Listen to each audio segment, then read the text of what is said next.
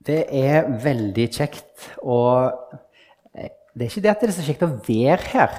For det at det, i denne koronatida som har vært, så har jeg vært på bedehuset mange ganger. Eh, så det er, det, det er, ikke det, å være her som er det kjekke, men det er å være i lag med dere som er det kjekke. Vi har jo hatt sånne nettmøter eh, da, på YouTube eller på Facebook, men det er jo ikke alle som har det. Så det er veldig kjekt å kunne samles igjen, syns jeg. da. Og så eh, gleder jeg meg veldig til denne høsten. Eh, vi prøver liksom å ha litt sånn eh, undervisning, da. Og eh, denne høsten så har jeg kommet fram til at jeg har lyst til å undervise fra 1. Peters brev. Som er et veldig fint brev. Det, det sier jeg om alle brevene, så det kan dere bare Det kommer jeg alltid til å si. det er et veldig fint brev. Ja. Men eh, Første Peters brev er faktisk veldig fint. Og eh, jeg har lyst til å starte med å vise dere en kort, liten film som skal sette agendaen litt. Hører dere meg godt? Alt virker bra. Nå skal vi se. Der. I Pakistan lever kristne i daglig frykt for sine liv. Nasreen Safras mistet sin sønn da en terrorist angrep kirken.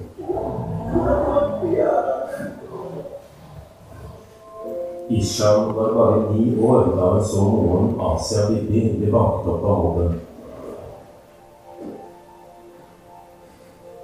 Jonas Mashin satt syv år i fengsel beskyldt for blasfemi, og må nå leve i skjul etter at han ble frikjent.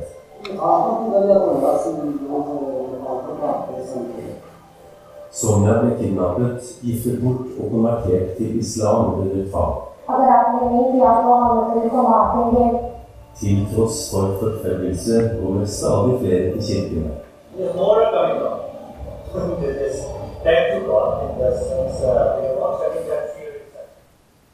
Ja. Det var en liten oppsummering om hvordan mange kristne i dag eh, opplever det i verden. Vi sang en, sånn, eh, en sang som vi synger veldig ofte i stad. Om vi er liten eller stor. Altså, hva var det vi klapte i hendene for? Det er det som gjør meg lykkelig. Og så, Hvis du ser bare menneskelig på det, så kan du spørre ja, ble du så lykkelig. Da ser du hvor elendighet mange kristne har. Eh, de regner med i dag at ca. 300 millioner kristne ble forfulgt for sin tro. Av de så blir ca. 100 millioner alvorlig forfulgt. Da snakker vi altså om mord, tortur, voldtekt, atskillelse fra familie, eh, utstøtelse, sjikane, fengsling, slaveri osv. Det er ganske mange som må lide for å, være, eh, for å komme til tro. Altså når de kommer til tro. Så det er ganske alvorlig eh, for mange å ta valget og følge Jesus. Og eh, dette tenker kan dere ha som et bakteppe når dere leser 1. Peters brev. Fordi at Peter skriver nemlig til kristne som har lidd for evangeliet og lider fremdeles. Det er mennesker som ikke har det så lett, han skriver til, og han skriver for å oppmuntre dem.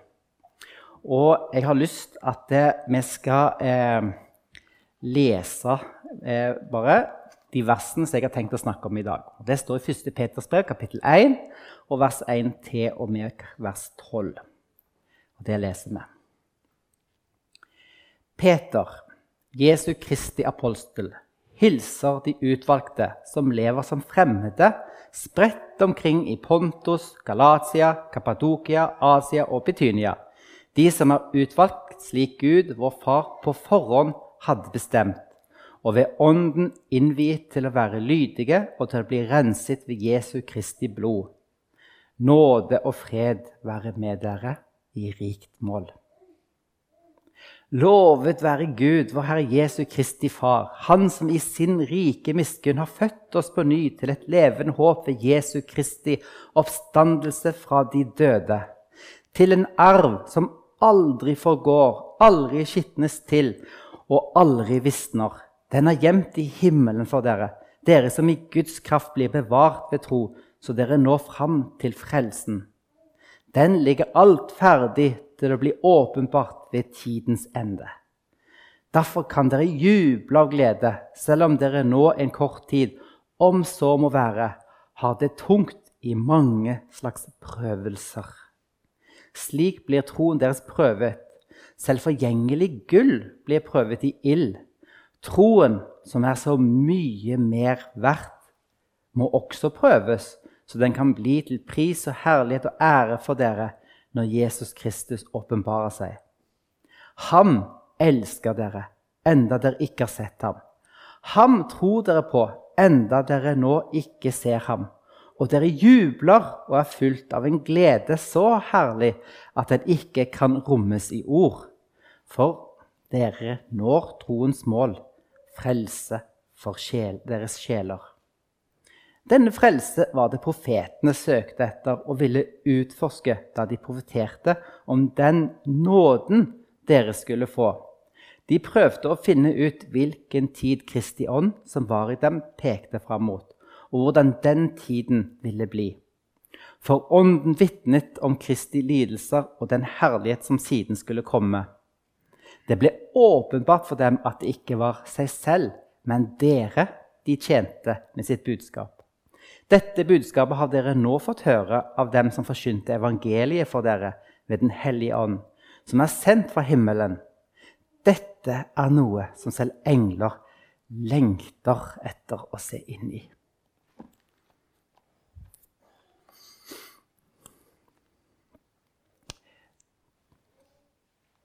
Peter han skriver dette brevet til kristne som eh, levde i det som i dag kanskje ville kalle for Tyrkia. Altså eh, i det området her som, som, jeg peker på nå, nord fra den fjellkjeden der, kan du si.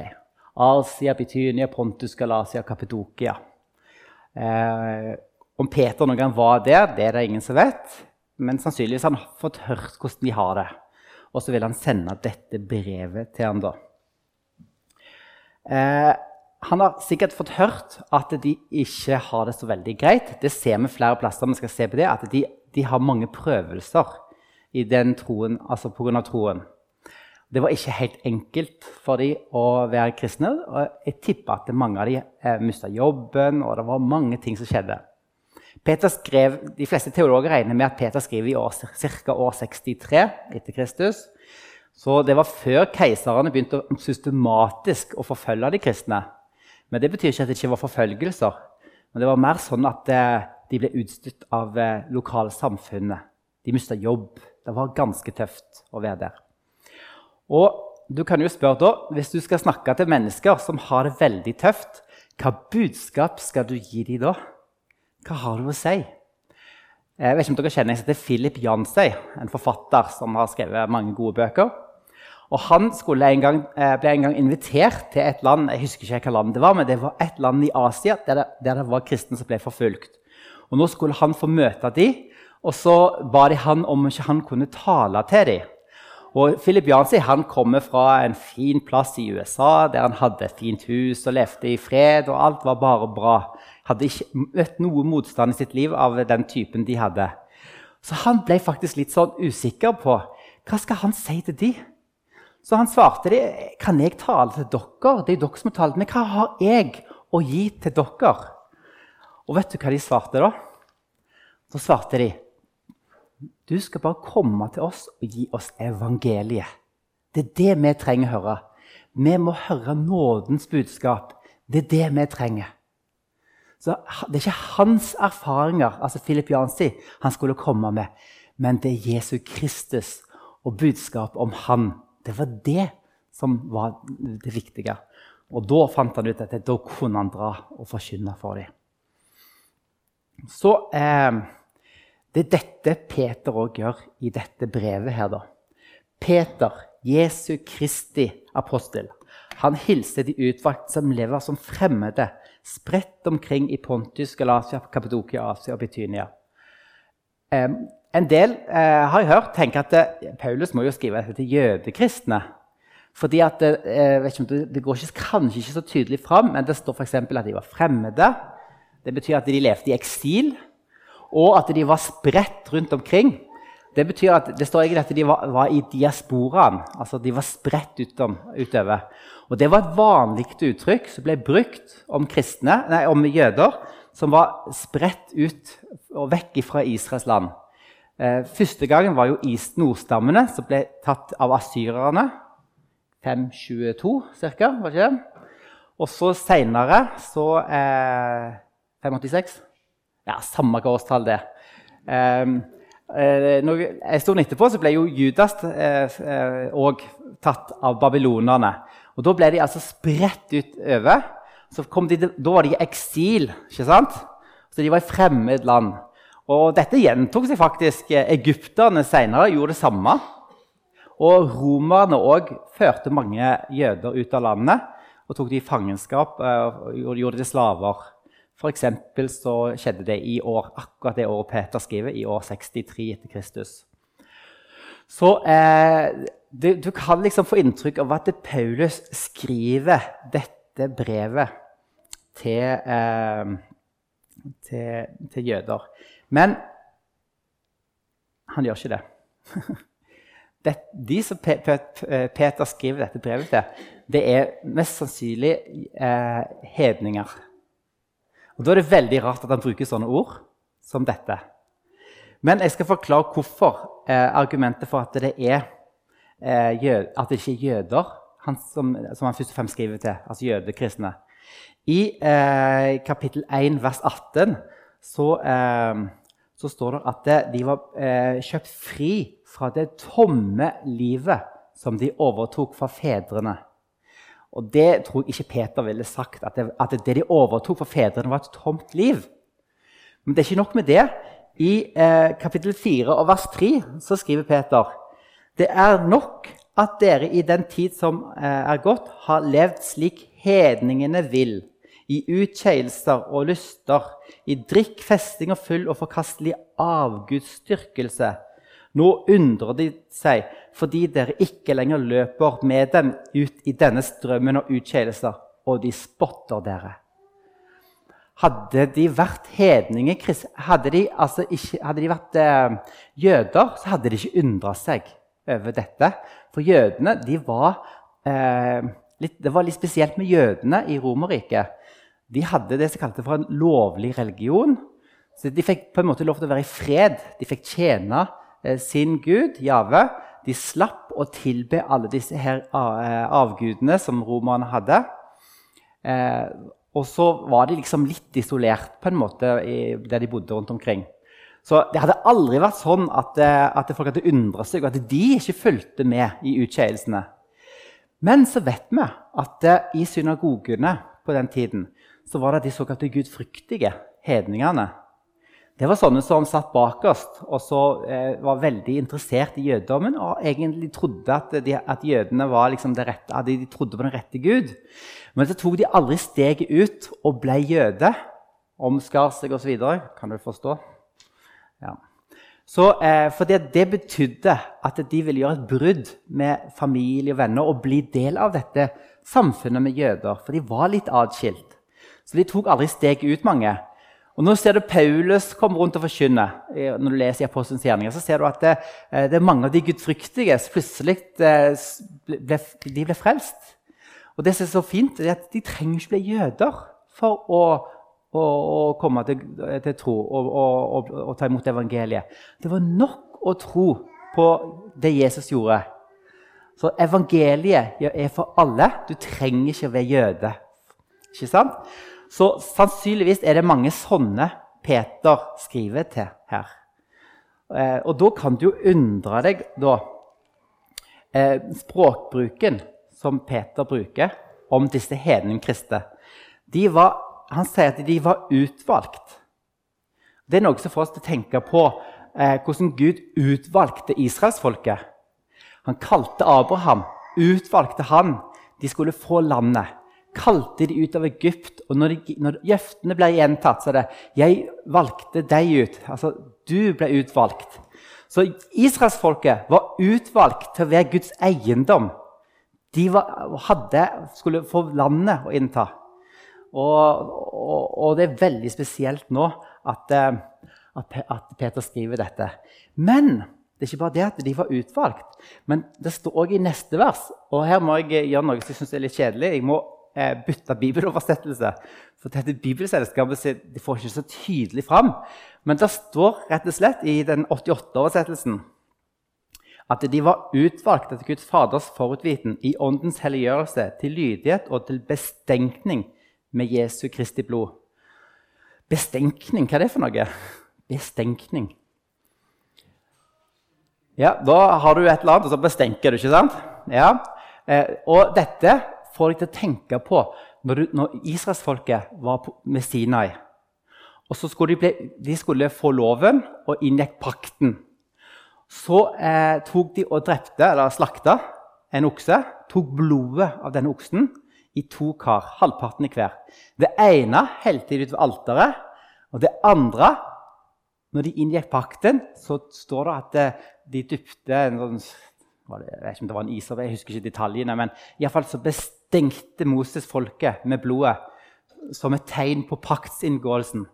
Så de var bestengt. Og det dette, dette, denne språkbruken som ble brukt her, til de som, Peter skriver til, de var blitt bestengt. Men hva for et blod var det? Var det en okse? Nei. De var blitt bestengt med Jesu Kristi blod. Og det gjør nemlig at de får del i alt det som var om, lovt om israelsfolket. Ser du det? De var utvalgt. De eh, var bestengte. Og vi skal se at det er så mye mer å ta tak i her, som peker på all den rikdom de hadde fått. Så eh, Paulus han skriver til hedningekristne.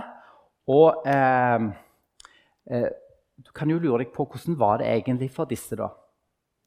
Eh, jeg har lest litt om hvordan, være, hvordan, livet var i første århundre. Og de hadde jo landsbyer og større byer. Eh, så de levde, Noen levde på bygda. Men det var sånn at I byene så eh, var det jo masse fagfolk. Det var de som drev på med treverk. ikke sant? Eller det var sånn som Paulus, som ofte ble kalt for en sånn teltmaker. Egentlig var det lærerarbeider. Han jobbet mer enn bare telt. men det er en annen sak. Disse organiserte seg ofte i sånne laug. Sånne, og de hadde som regel bodene sine ganske tett. Og for å, for å ha det, for, det var helt avgjørende at de samarbeidet. Men så vet vi at når mange ble kristne, hva skjedde med de da? Jo, da plutselig kunne de ikke tilbe Sefs eller Artemis eller hvem nå det måtte være. Nei, nå hadde de bare én gud i himmelen som de kunne tilbe.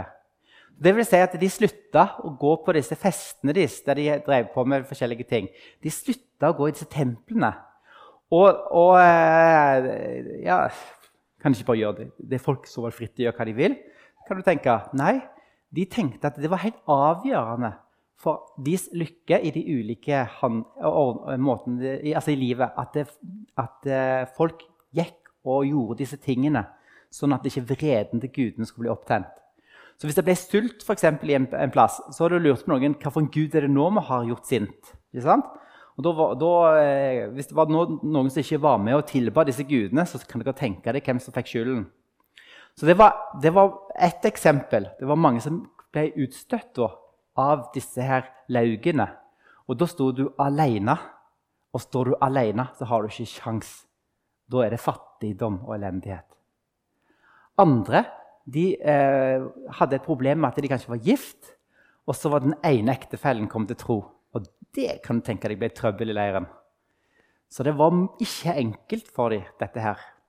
Og en del av dem hadde ikke bare blitt eh, mista jobben, men de ble banket opp.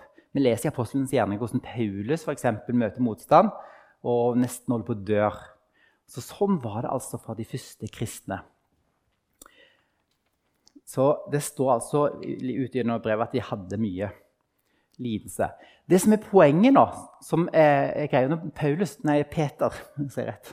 Når Peter bruker den språkbruken som hører til israelsfolket, om de hedninge kristne i Asia, så er det fordi at Husk Gud har bare plan A.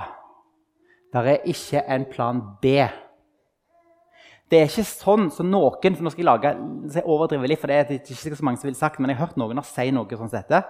At Jesus kom til israelsfolket. Noen få fulgte ham, men de fleste trodde ikke. Så plan A, A gikk i vasken. Da må han over på plan B. Vi går til hedningene, og så, jeg, jeg, så venter vi til hedningene er kommet inn. Og Så eh, går, prøver jeg plan A igjen, og så ser vi om det går bra. Niks. Plan A Det fins bare én plan. De var utvalgt, står der, etter Guds forutviten. Alt hadde sin grunn i Gud. Alt skjer sånn Gud hadde planlagt det. Det er ikke sånn at hedningene er plan B. Det er bare én plan. Plan A.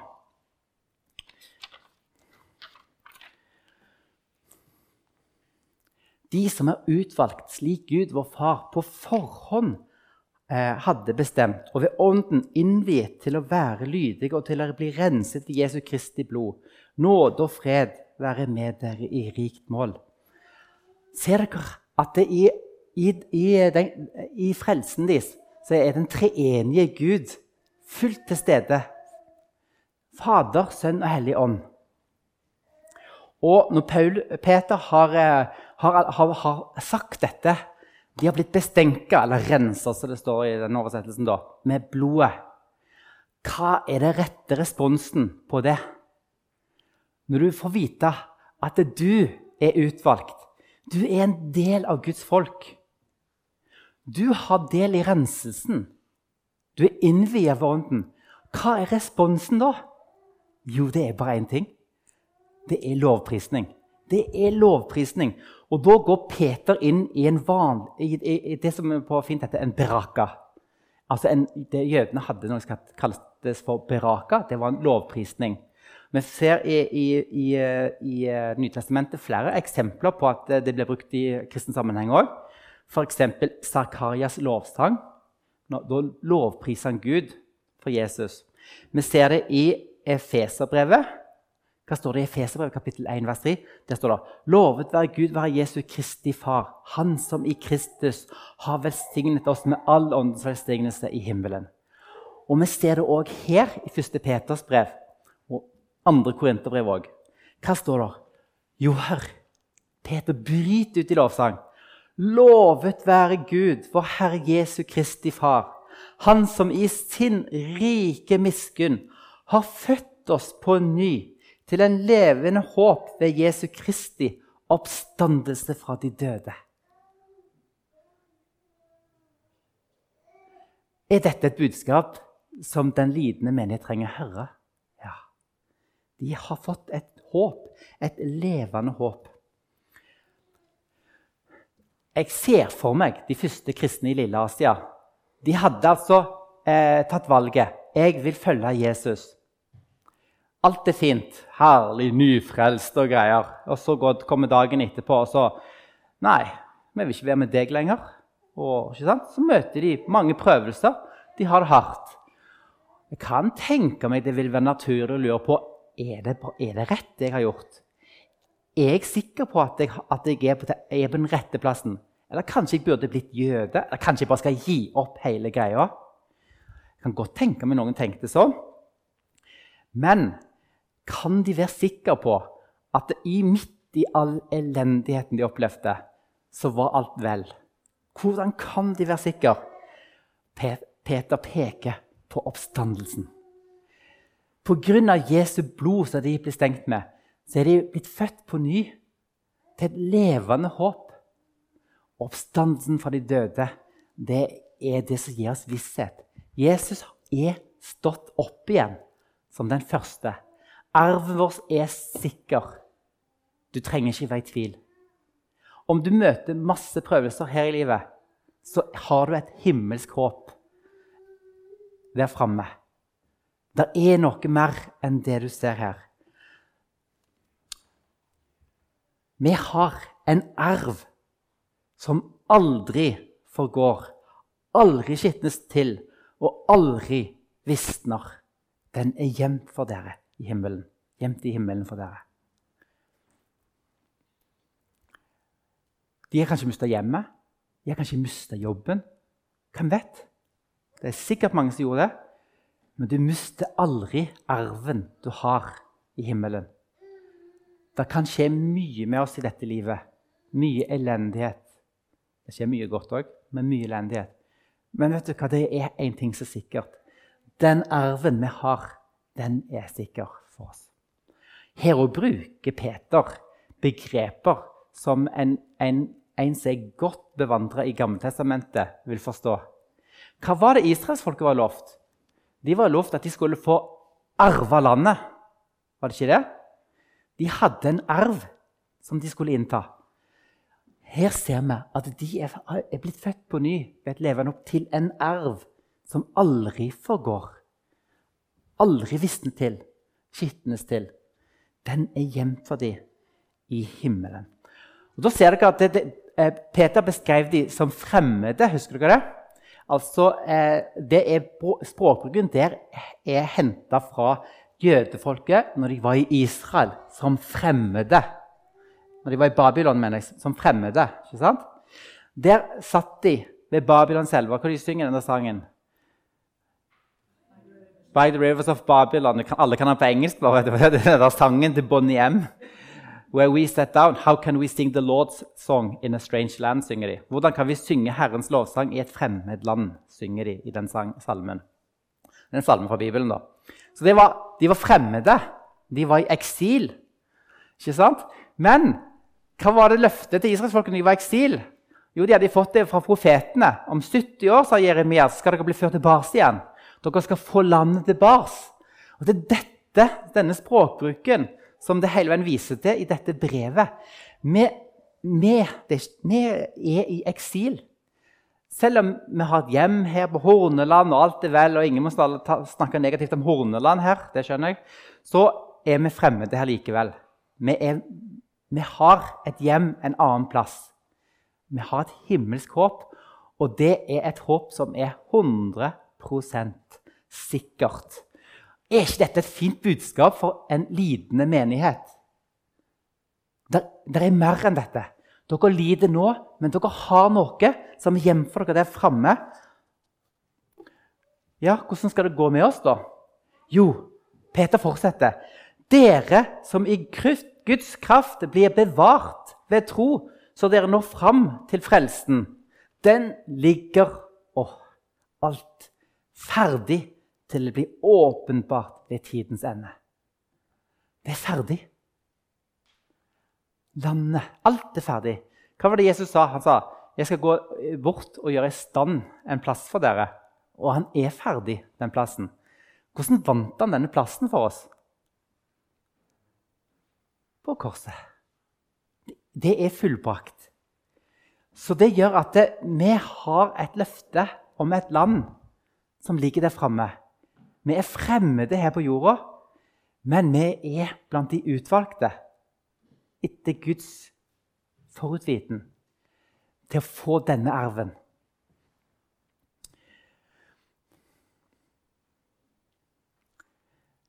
Merk dere òg at det er ikke bare landet som er sikkert. Men merk dere òg at det er et løfte her. Dere som i Guds kraft blir bevart ved tro. Gud er i stand til å bevare oss midt i all elendighet. Og hva er resultatet av det? Derfor kan dere juble av glede, selv om dere nå en kort tid, om så må være, har det tungt i mange slags prøvelser. Det er jo litt fint, da. Midt i forfølgelsen kan de juble. Så dere på filmen i slutten av filmen. Jeg syns det er veldig trist å lese, se, høre hvordan kristne lider. Men så så du, så du håpet i slutten. Det kommer mer til menigheten. De økte på. De har en glede. Vi kan juble, skjønner du. Hørte jeg et Hørte jeg noe jubel her nå? Nei? Av og til så er jeg litt redd for at uh, Ikke redd for. Det, er mer en bekjennelse. Vi har det så godt i Norge. Altså, uh, Det er mange som ikke har det godt i Norge, og det vet jeg. Men nå må jeg snakke for meg sjøl, og jeg tror jeg snakker på vegne av mange. Har vi økonomiske bekymringer? Ja, det er noen som har det. Men har, akkurat nå vi, har ikke med det. Eh, og i Norge har vi et sikkerhetsnett òg som eh, kanskje berger mange. da. Hva vet, jeg? Men nå skal jeg bare tale for meg sjøl, og jeg tror jeg taler på vegne av mange. Vi har det så godt her på jorda at jeg tror vi glemmer det himmelske håpet litt. Vi har det så godt. Paulus skriver noe om at hver den som tror, skal bli forfulgt. Eh, det har alltid plaget meg litt, det verste der. Fordi jeg føler meg ikke særlig forfulgt. Men tro meg, forfølgelse Vi opplever ikke sånn type forfølgelse i Norge, men jeg, dere, vi kan aldri være sikre på hva vi vil møte. Det er ting som tyder på at en, ting endrer seg litt. Det er stadig mindre populært å være kristen. Jeg har hørt om folk som ikke har fått jobb fordi de har blitt googla. Så har de fått oppdaget at de er kristne. Om det er sant, det er ikke, for å være sånn, det vet jeg ikke. Men i alle fall, det, det, være, det, er ikke sikkert det er så lett etter hvert. Og Derfor er det så viktig at det er kristne at vi har det rette fokuset. Ikke på de jordiske tingene og godene vi har, men at vi ser framover. Vi ser på Han som ga sitt liv for oss, og den håpet vi har. Og hva er det vi håper om himmelen? Hva er det som er det viktige med, med, med når vi står der? Er det gullgater og masse fine boliger og sånt? At vi skal ha det rikt? Nei. Hva er det som er det viktige? Hva er det vi lengter etter? Åh, vi må jo lengte etter én ting som står overalt. Vi vil se Han som ga sitt liv for oss. Det står faktisk løftet at når vi kommer fram der, så skal vi se han som han er, står det i 1. Johannes brev. Tenk på det. Ok, vi skal få treffe våre kjente i himmelen, men i lag skal vi prise han. Han som ga sitt liv for oss, som gjorde det mulig at vi skulle få denne arven. Og det er bare noe jeg sjøl må jobbe med. Vær bevisst på det. Det viktige er ikke den nye bilen jeg kjøpte i vår. Så dere vet hva det er. Det betyr ingenting. Det betyr ingenting. Det, er, det viktige er det håpet vi har. Slik, sier Peter, slik blir troen deres prøvet. Selv forgjengelig gull blir prøvet i ild. Troen, som er så mye mer verdt, må også prøves, så den kan bli til pris og herlighet og ære for dere når Jesus Kristus åpenbarer seg. Der ser dere igjen når Kristus åpenbarer seg. Ok. Se på det verste der. Hvem er det som skal få ære her?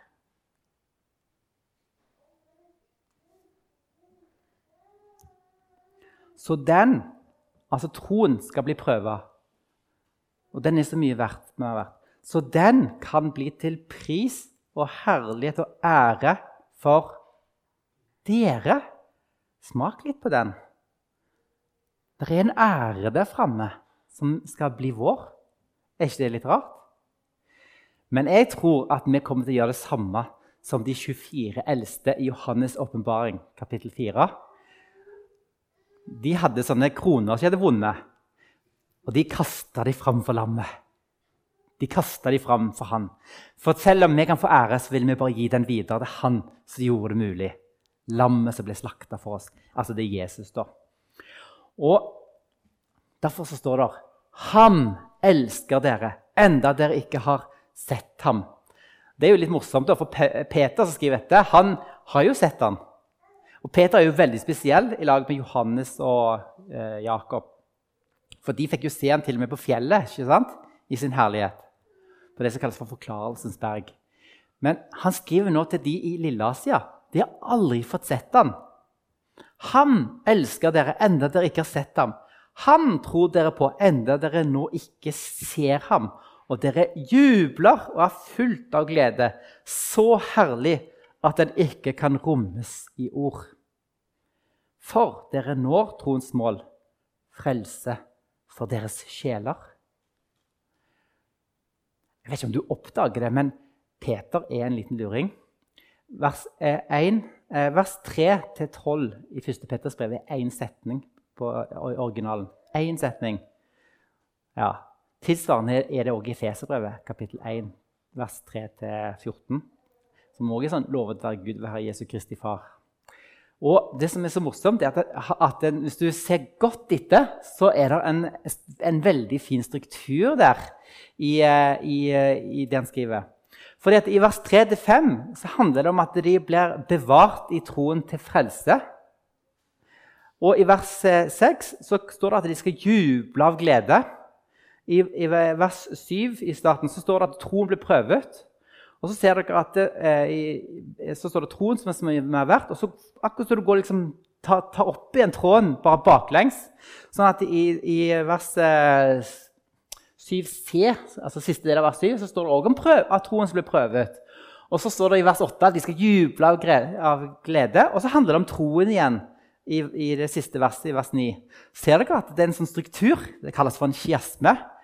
Og, og, og de, er, de fins det masse av i Bibelen. Okay?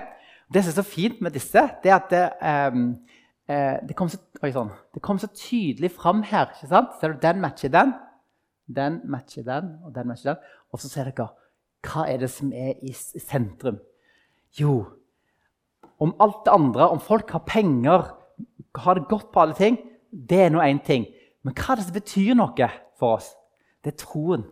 Troen er så verdifull at den blir testa som, som, gull blir testa og, og rensa. Okay? Så det er altså så utrolig fint å se hvordan, hvordan, de skriver. Det er sånn at det, Noen teologer, de sier, særlig liberale teologer de sier at det, det, er så fint gresk og så bra skrevet, dette brevet, at en fisker fra Galilea kan umulig ha skrevet det. Har du hørt noe så arrogant? Hæ? Jeg er sikker på at Peter var de, fleste som bodde i Galilea, var flinke i gresk, hebraisk, aramesk. Fordi det var et sånn kultur der, der de snakket disse språkene. Og så var han ingen tosk. Dette er altså så stilig å se. Så kommer vi i slutten av, det, av teksten som jeg leste innledningsvis, til noe som jeg synes, alltid har syntes var litt rart. For dette, dette henger liksom i hop. Men så plutselig så begynner han å snakke om profetene i Det gamle testamentet. Den, hvorfor snakker du om det nå, Peter, plutselig? Nå har du snakket om liksom, troen som blir prøva, og alt dette her som har fått sånn. Og nå plutselig kommer han til profetene. Så, eh, men jeg tenker at det, det, er et poeng her. De hedninge kristne som har kommet til tro i Lille Asia, de må nok ha lurt på hvordan er det med oss. Vi er jo ikke jøder.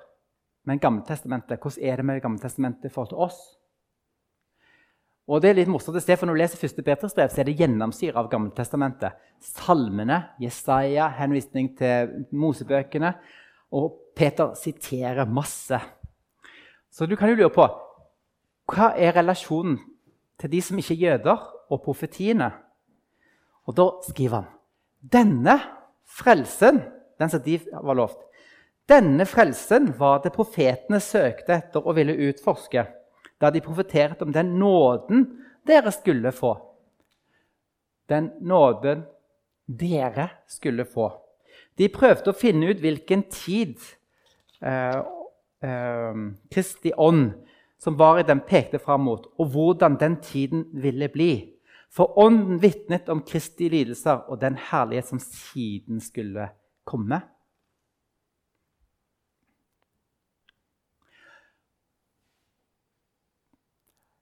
Det blir sagt at det, det, er ikke alle profetiene nødvendigvis, så du kan si at det liksom gjelder oss i dag. Når du leser profeten Obadja, f.eks. Alle, alle vet hva som står i Obadja? Nei? Ja, det er vel noe om Edom og noe greier der. Ok, Du skjønner at, at, det var skrevet en situasjon. Vi kan ikke bare si at det gjelder oss, for vi bor ikke der og har ikke kamp med Edom. og, og litt sånt. Men eh, hva med Jesaja 53? Det gjelder oss. Alt det som handler om frelsen vår, som profetene talte om, det gjelder ikke bare for jødene. Det gjelder oss.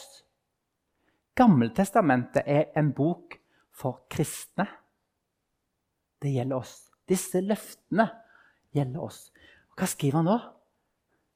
Det ble åpenbart for dem at det ikke var seg selv, men dere de tjente med sitt budskap.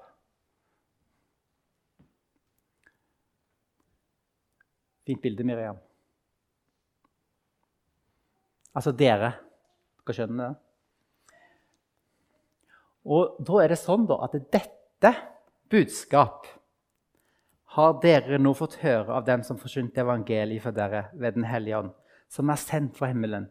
Dette er noe som selv engler lengter oss inn i. Frelsen er så stor at englene skjønner det ikke. Men det er gitt løfte om det, og de løftene gjelder oss.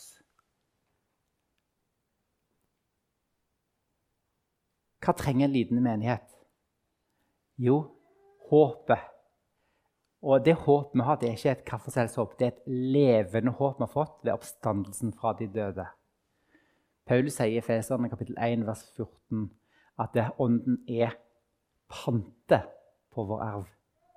Du har allerede fått del i arven. Du har fått pante.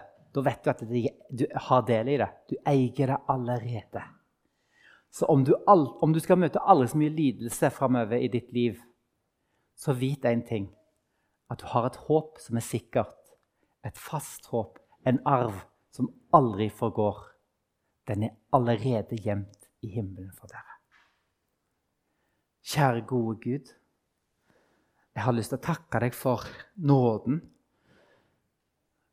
Dette budskapet om hvor høyt du elsker oss, det er så underfullt og vanskelig å forstå, for det er så stort, Herre.